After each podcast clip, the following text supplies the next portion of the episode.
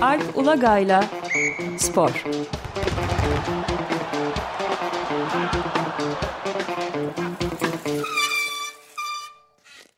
Günaydın Alp, merhaba. Günaydın Ömer Bey. Günaydın.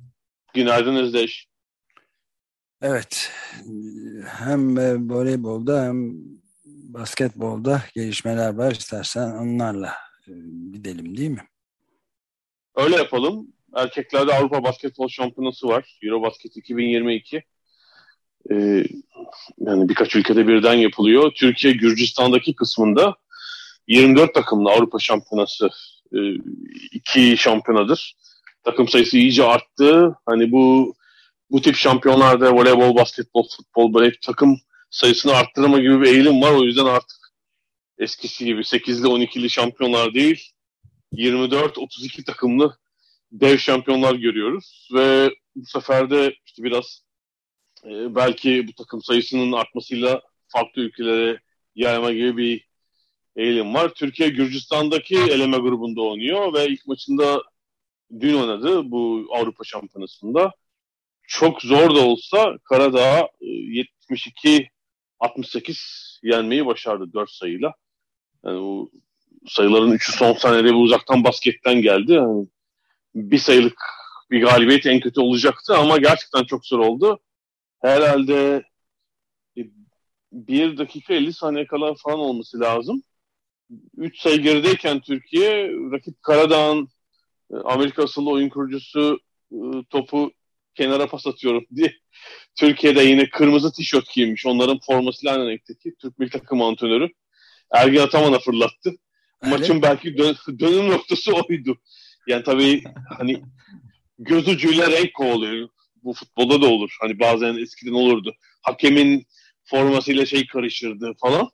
Ee, gittiğim maçlardan hatırlıyorum. Ama o kadar kritik bir anında oldu ki maçın. Oradan bir basket ya da sayı çıkarsalardı muhtemelen maçı Karana kazanacaktı yani. Çok az vakit kalmıştı.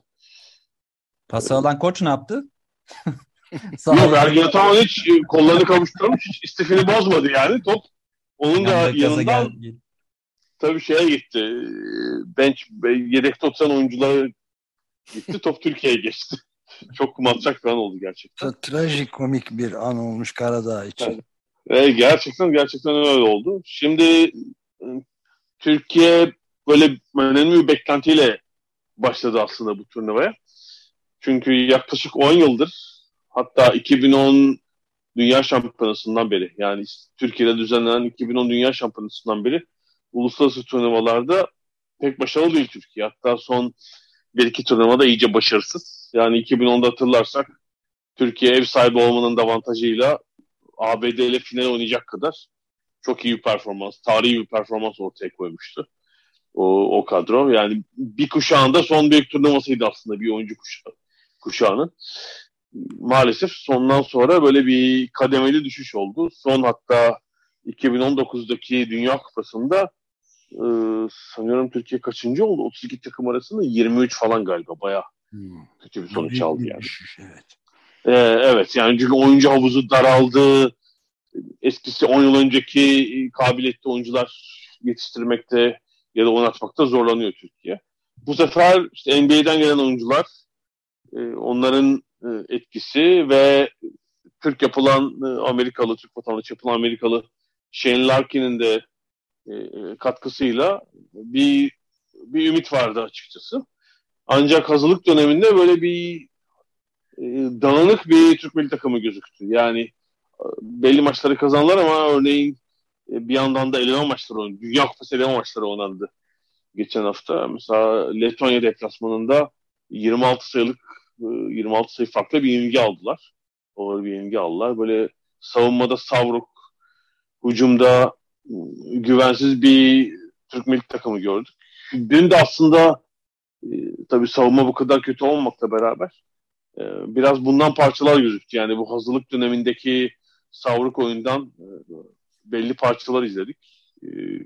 Açıkçası Shane Larkin'in ilk yarı sonundaki katkısı falan olmasa onun ikinci yarıdaki belli anlarda aldığı sorumluluk olmasa muhtemelen yine Türkiye maçı kazanamazdı. Yani onun yarattığı ciddi bir fark var. E, e, yani onun dışında Türkiye milli takımının bir oyun kurucusu yok. Yani bence çok acı bir durum. E, yani oyun kurucu hüviyetindeki bir iki oyuncuyu da geniş kadroya aldıktan sonra bu son 12 kişilik turnuva kadrosuna dahil etmedi Ergin Ataman. E, o yüzden dünkü maç bir tuzak maç gibiydi. Çünkü yani nispeten dengeli bir grupta Türkiye ve 5 maç oynayacak bu 6 takımlık grupta. E, son maç İspanya ile olacak ve İspanya maçına kadar grubun favorisi İspanya maçına kadar e, Türkiye yani bir maç kaybetmezse en azından ikinciliği garantilemiş olacak. E, gruptaki diğer takımları atlatalım. E, Bulgaristan, e, Gürcistan, ev sahibi Gürcistan ve Belçika. Yani Türkiye'nin nispeten dişine uygun takımlar. Yani burada hani dediğim gibi en tuzak maç Karadağ maçı gibi gözüküyordu. Bu maçı geçince şimdi belki Türkiye'nin zorlanacağı maç e, 4 Eylül pazar günü oynayacağı Gürcistan maçı olabilir. Çünkü normalde dün gördük ki Tiflis'teki maçlarda salon bomboş. Yani diğer maçlara kimse gelmiyor. Gürcistan tabii ev sahibi olduğu için onların oynadığı maç tıkım tıkım doluyor. Yani dün Belçika'ya uzatmada inildiler. Salon tamamen dolmuştu. Muhtemelen Türkiye maçında da öyle olur. O seyirci desteğiyle Gürcistan Türkiye'yi biraz zorlar muhtemelen. Ama sanki yani ikincilik gelir gibi. İspanya yenebileceğini zannetmiyorum Türkiye'nin. Ee, ikinciliğin şöyle avantajı olacak.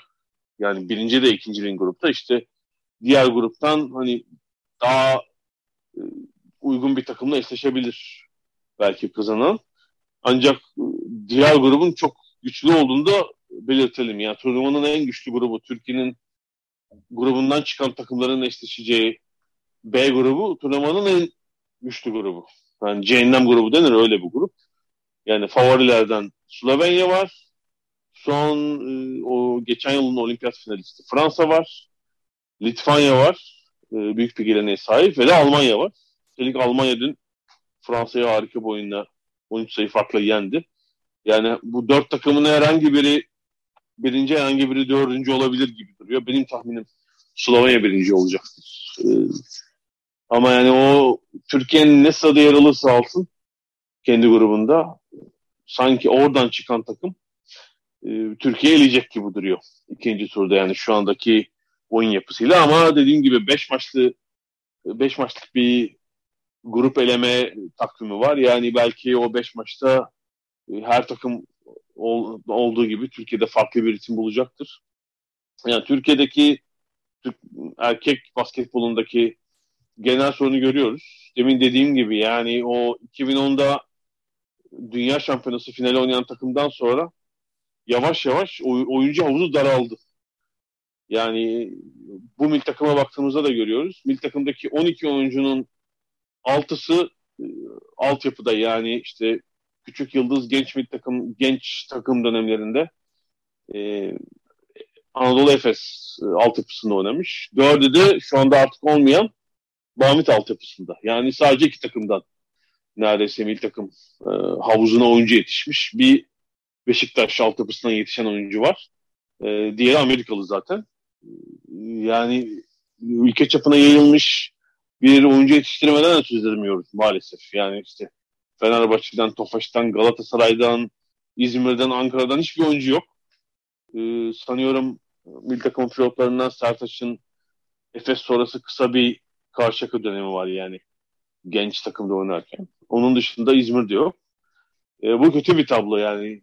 Oyuncu seçerken e, Türkiye işte yurt dışındaki o 4-5 oyuncuya bakmak zorunda. E, orada da şunu, şununla karşılaşıyoruz. İşte Cedi Osman, Furkan Korkmaz gibi mil takımın artık şu an nispeten genç yaşlarına rağmen deneyimli isimleri var. E, öncü oyuncuları yani mil takımın. E, onlar da NBA'de kendi oldukları takımda hani lider oyuncu değiller, görev adamı. ikisi de. Yani takımı sürükleyen oyuncular değiller. Halbuki işte bu turnuvanın favorisi takımlarda Slovenya, Yunanistan, Sırbistan gibi takımlarda oynayan bu oyuncuları yani dünyanın en iyi oyuncularından bazıları var. Bu takımlarda. Örneğin Slovenya'da e, Luka Doncic var. E, şu an hani dünyanın en iyi 4-5 oyuncusundan biri diyebiliriz. Yani Amerikalılar dahil konuşuyorum. E, Sır Sırbistan milli takımdaki e, yok hiç iki sezondur NBA'nin en değerli oyuncusu seçiliyor. E, NBA'nin en değerli oyuncusu yani. Aslında dünyanın en, en, en değerli oyuncusu demek lazım tabii. E, e, yani o yüzden onların yara, sahada yarattığı fark büyük. Türkiye'nin öyle bir oyuncusu da yok. Buna en yakın isim dediğim gibi yakın bir yıl önce Türk vatandaşı yapılan Anadolu Efes oyuncusu Shane Larkin.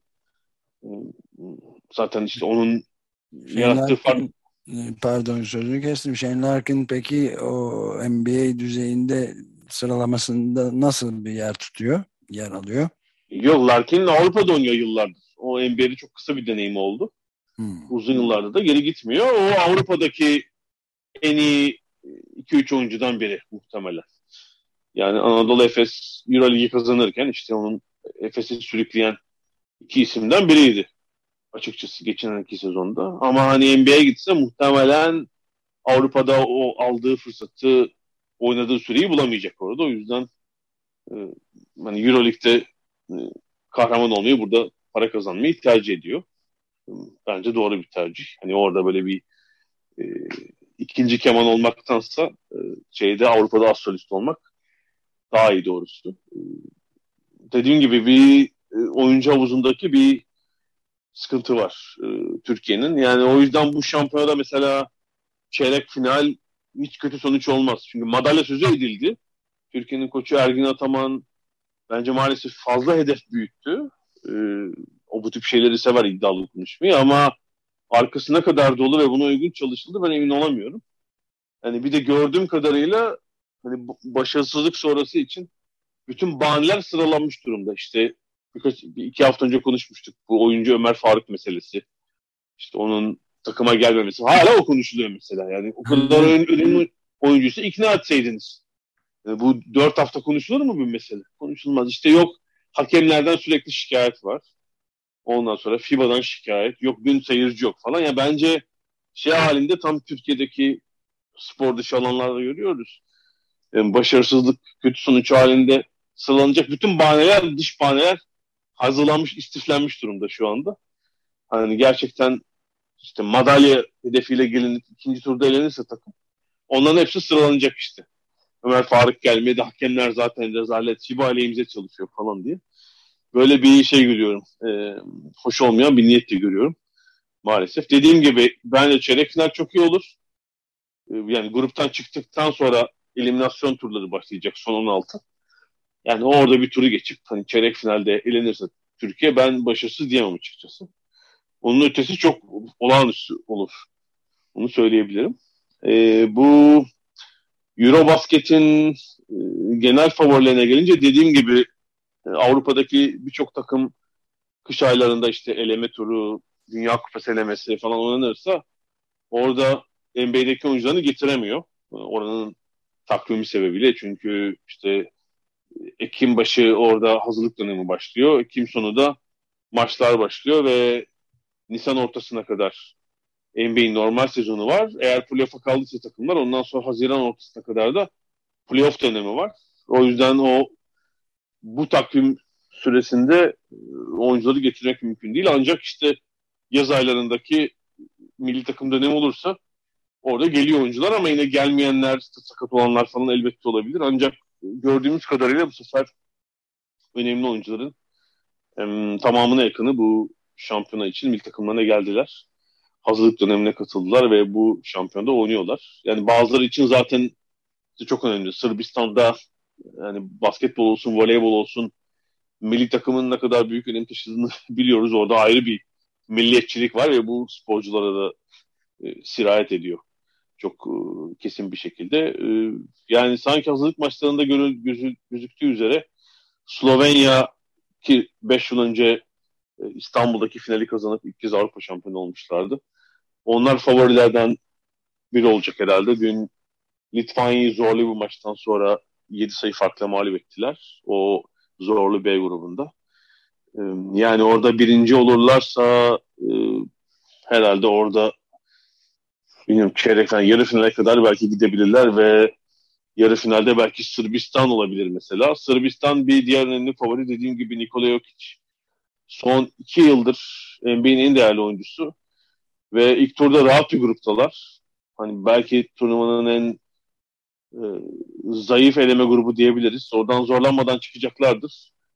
E, e eğer sonra da bir ilk kaza uğramazlarsa e, onları yarı finalde Slovenya karşısında göreceğiz. Gerçekten bir eski Yugoslavya çekişmesi olabilir. Yani diğer yarı finalde şu andaki hani bakıyorum muhtemel grup birinciliklerine göre bir Yunanistan, İspanya yarı finali izlersek açıkçası pek e, sürpriz olmayacak. Yani burada bence e, kilit grup B grubu ve oradaki sıralama e, en başta dediğim gibi Fransa geçen yıl olimpiyat finali oynamıştı ABD ile ama kötü başladılar. Halbuki potansiyelleri belli. Mesela Fransa dördüncü girip oradan Yunanistan'ı falan elerse hani böyle turnuvalarda görülmedik şey değil.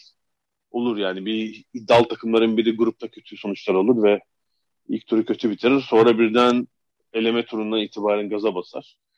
Ee, olabilir böyle bir şey. Ee, benim favorime gelince ben turnuva başı Yunanistan'da da NBA'nin yine en iyi oyuncularından Yanis Adetokumpo var. Onun hatta bir de kardeşi de var. Ee, yani Yunanistan'da doğmuş e, Nijeryalı mahallenin çocukları onlar.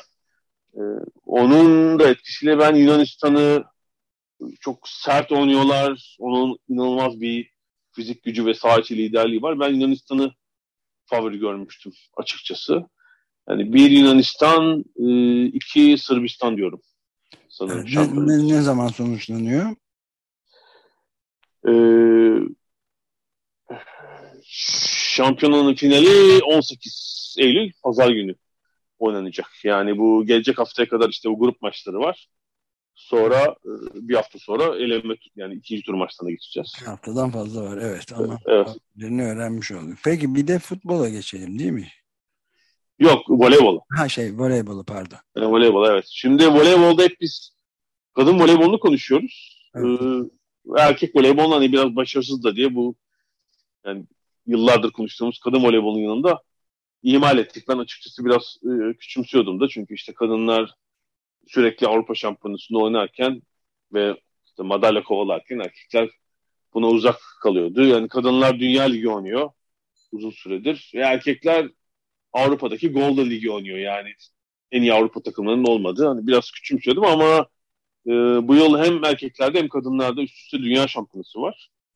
Ve erkeklerdeki dünya şampiyonasında Türkiye'yi 24 erkek Türk erkeklerini 24 yıllardan sonra ilk kez görüyoruz. Yani 98'de katılmışlardı. Zaten ondan önce de galiba iki kez katılabilmiş Türkiye. Yani galibiyeti falan yok katıldığı dünya şampiyonlarında. Bu sefer e, Türkiye, Slovenya, Polonya'da düzenlenen yine iki ülkeye düzenlenen işte bol takımlı e, dünya e, şampiyonasına 24 takımlı dünya şampiyonasına katıldı. Katılma hakkını bir kere elemeleri geçti ve buraya geldi.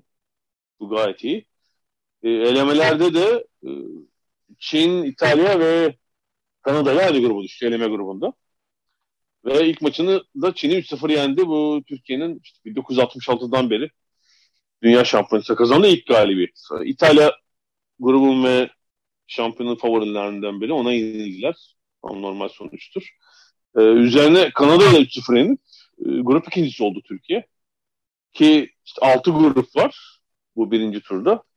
Bazı grupların üçüncüleri bile bir üst tura, ikinci tura dalıyordu. Ona gerek olmadan Türkiye grup ikincisi oldu ve bir üst tura geçmeyi başardı. Ee, gerçekten hani Kanada'nın erkek takımını bilmiyorum gerçekten. Yani sıralamada da çok yukarıda durmuyor ama e, nispeten Türkiye'nin dişine uygun bir grupta, dişine göre olan bir grupta çok iyi iki sonuç. Yani Çin'e ve Kanada'ya karşı alınan. E, rahat bir ikincilik. Sonra da bu gruplardan çıkan 16 takım belirlendikten sonra onları grupta aldıkları puanlara göre tekrar sıralıyorlar. Böyle ilginç bir yöntem. Hani genelde şöyle olur. İşte A1, e, C3 falan hani A grubunun birincisi C grubunun üçüncüsüyle oynar. Öyle bir yap, e, şey yapmamışlar. ikinci tur eşleşmesi. Bir tekrar çizelge yapıyorlar. Yani birden 16'ya kadar takımların dediğim gibi ilk turda aldıkları puanlara göre Türkiye orada 16 takım arasında 8. oldu. Yani oynadığı iki maç aldığı 6 puan. E, alınan set 6, verilen set 3 ve e, Türkiye'nin rakibi de ABD oldu. İlginçtir. Ee, yani iki galibiyeti bu başka takım. Şimdi ikinci turda ABD ile oynayacaklar. Yani ABD geçen sene Dünya Şampiyonası'nda herhalde e, yarı final falan mı bu olimpiyatlarda? E, yani burada e, ilgi almışlar ama hani Türkiye için bence ikinci turu bile çok ben hani bir tur geçerler diye belki düşünüyordum. Tek galibiyetle bile olsa. Ya onun da ötesinde iki galibiyet aldılar. ikinci turdalar. Yani ABD galibiyeti çok çok ekstra bir e, sonuç olur açıkçası e, bunun için. E, yani uzun süre dediğim gibi küçümsediğim, önemsemediğim erkek voleybol milli takımının da iyi bir temsil verdiğini söylemem gerekli. Orada da bakacağız. Bir sürpriz yaparlarsa mutlaka konuşuruz e, gelecek hafta. Evet. Ee, peki yani burada e, şimdi Bambi'ye de yer açmak üzere biraz erken e, bitiriyoruz. E, e, ya ABD açık tenisi devam ediyor. İlk haftasındayız. Böyle bir Serena çılgınlığı var orada. Hani son maçı ne zaman olacak diye. Onu istiyorsanız gelecek hafta finale yaklaştığımızda bir daha uzun konuşuruz. Evet evet muhakkak bir efsanevi oyuncu, efsane oyuncu Serena Williams'ın da artık kariyerinin sonunu görmek üzereyiz galiba. Evet son yani burada eğleneceği maç muhtemelen kariyerinin son maçı olacak. Muhtemelen diyorum hani son anda karar değiştirmezse. O yüzden inanılmaz bir hava oluyor her maçta. Şimdi iki tur geçti. Üçüncü tura kadar çıktı. Bakalım nereye kadar gideceğini göreceğiz. Göreceğiz. Peki Alp çok teşekkür ederiz. İyi yayınlar diliyorum. Görüşmek üzere. Haftaya görüşmek üzere. Görüşmek üzere. Görüşürüz.